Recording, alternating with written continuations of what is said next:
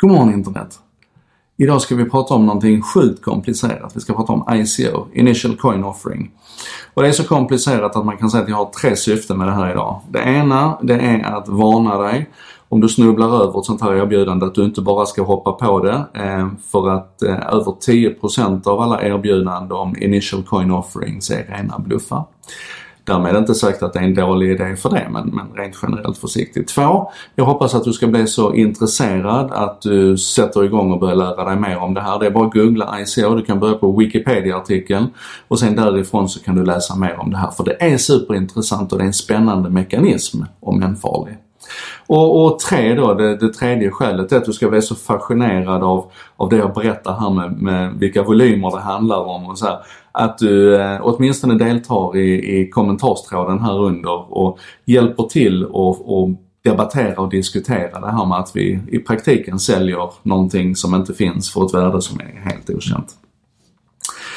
Bakgrunden till det här just nu det är att Eh, Eh, meddelandeplattformen Telegram som är ungefär som Signal fast mer slutet och mer okänt. Och som startades av den, den ryska VK-grundaren. Han heter Pavel Durov. Eh, han driver nu Telegram från, från eh, Dubai eh, och han har bestämt sig för att man ville göra en så kallad ICO, en Initial Coin Offering. Nu blev det aldrig en publik offering, det blev aldrig ett publikt erbjudande av det här för att 200 investerare hoppade på och har totalt sett investerat 1,7 miljarder dollar. 1,7 miljarder dollar i den här virtuella valutan som då ska existera inom plattformen Telegram.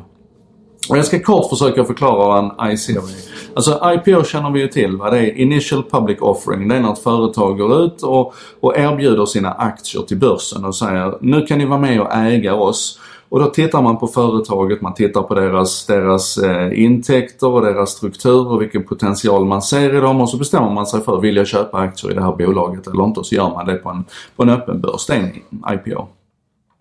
En ICO är en initial coin offering när man säger, när ett företag eller en organisation säger att vi vill lansera en ny virtuell valuta. Ofta en cryptocurrency men vi får hålla oss till att det är en valuta.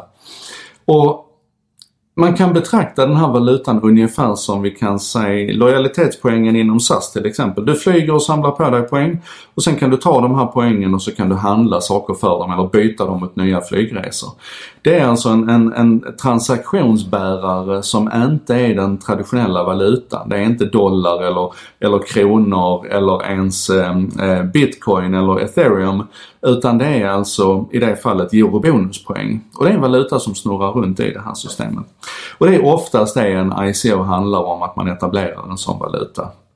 Ibland så Tidigare så gjordes det utan en ICO när Kik till exempel hade sina kickpoints. Där du kunde göra saker inom meddelandetjänsten Kik och så fick du poäng och sen så kunde du handla andra saker inom meddelandetjänsten för de kickpoängen. Så hade du skapat en slags valuta som snurrade runt där. Vad du gör nu med en ICO det är att du går ut till marknaden och så säger du vi har för avsikt att lansera den här valutan.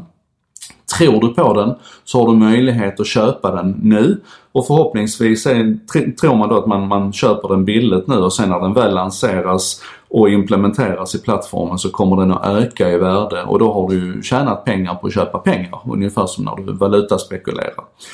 Skillnaden här är att du har ju liksom ingen historik att falla tillbaka på. Och som sagt i åtminstone 10% av fallen så fanns det aldrig någon seriös fundering på att lansera den här valutan överhuvudtaget. Utan det var bara ett, ett ponzi-scheme, alltså ett pyramidspel egentligen för att, för att dra in pengar och lura av folk pengar.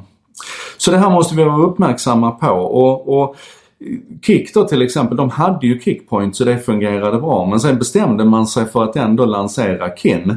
Som ju är då en, en virtuell valuta i plattformen där man gjorde en ICO för att man ville dra in pengar till, till plattformen. Och eh, Ja, ICO behöver vi titta på. Framförallt så tror jag vi behöver spana på nu när vi har ett sånt här fall som, som Telegram där det finns väldigt, väldigt många frågetecken. Och de lyckas alltså dra in 1,7 miljarder dollar ifrån 200 investerare. De drog in så mycket pengar i den här privata rundan så att de säger vi behöver inte göra någon ICO. Vi har fått alla pengar vi behöver från investerarna. Ja, det väcker så många frågor och det är, det är, det är så komplext det här. Så ett, eh, akta dig. Två, studera vidare. Och tre, fascineras och förundras över att den här företeelsen finns. Diskutera below, ställ frågor så ska jag försöka svara på dem. Det här var En sak idag producerat av mig Joakim Jardenberg eh, med benäget bistånd från vännerna på Bredband2, internetoperatören som gärna lyssnar när andra snackar och som hjälper till att sprida det här goda ordet. Eh, det textas och översätts av Contentor som jobbar med modern marknadsföring, redaktionella texter på nätet och översättningar. Så de ser till att fram emot lunch så ligger det här på svenska och engelska ute på nätet. Visst är det grymt? Och vi, eftersom det är, vad är det idag? Det är torsdag idag ja. Då ses vi imorgon igen. Ha det bra!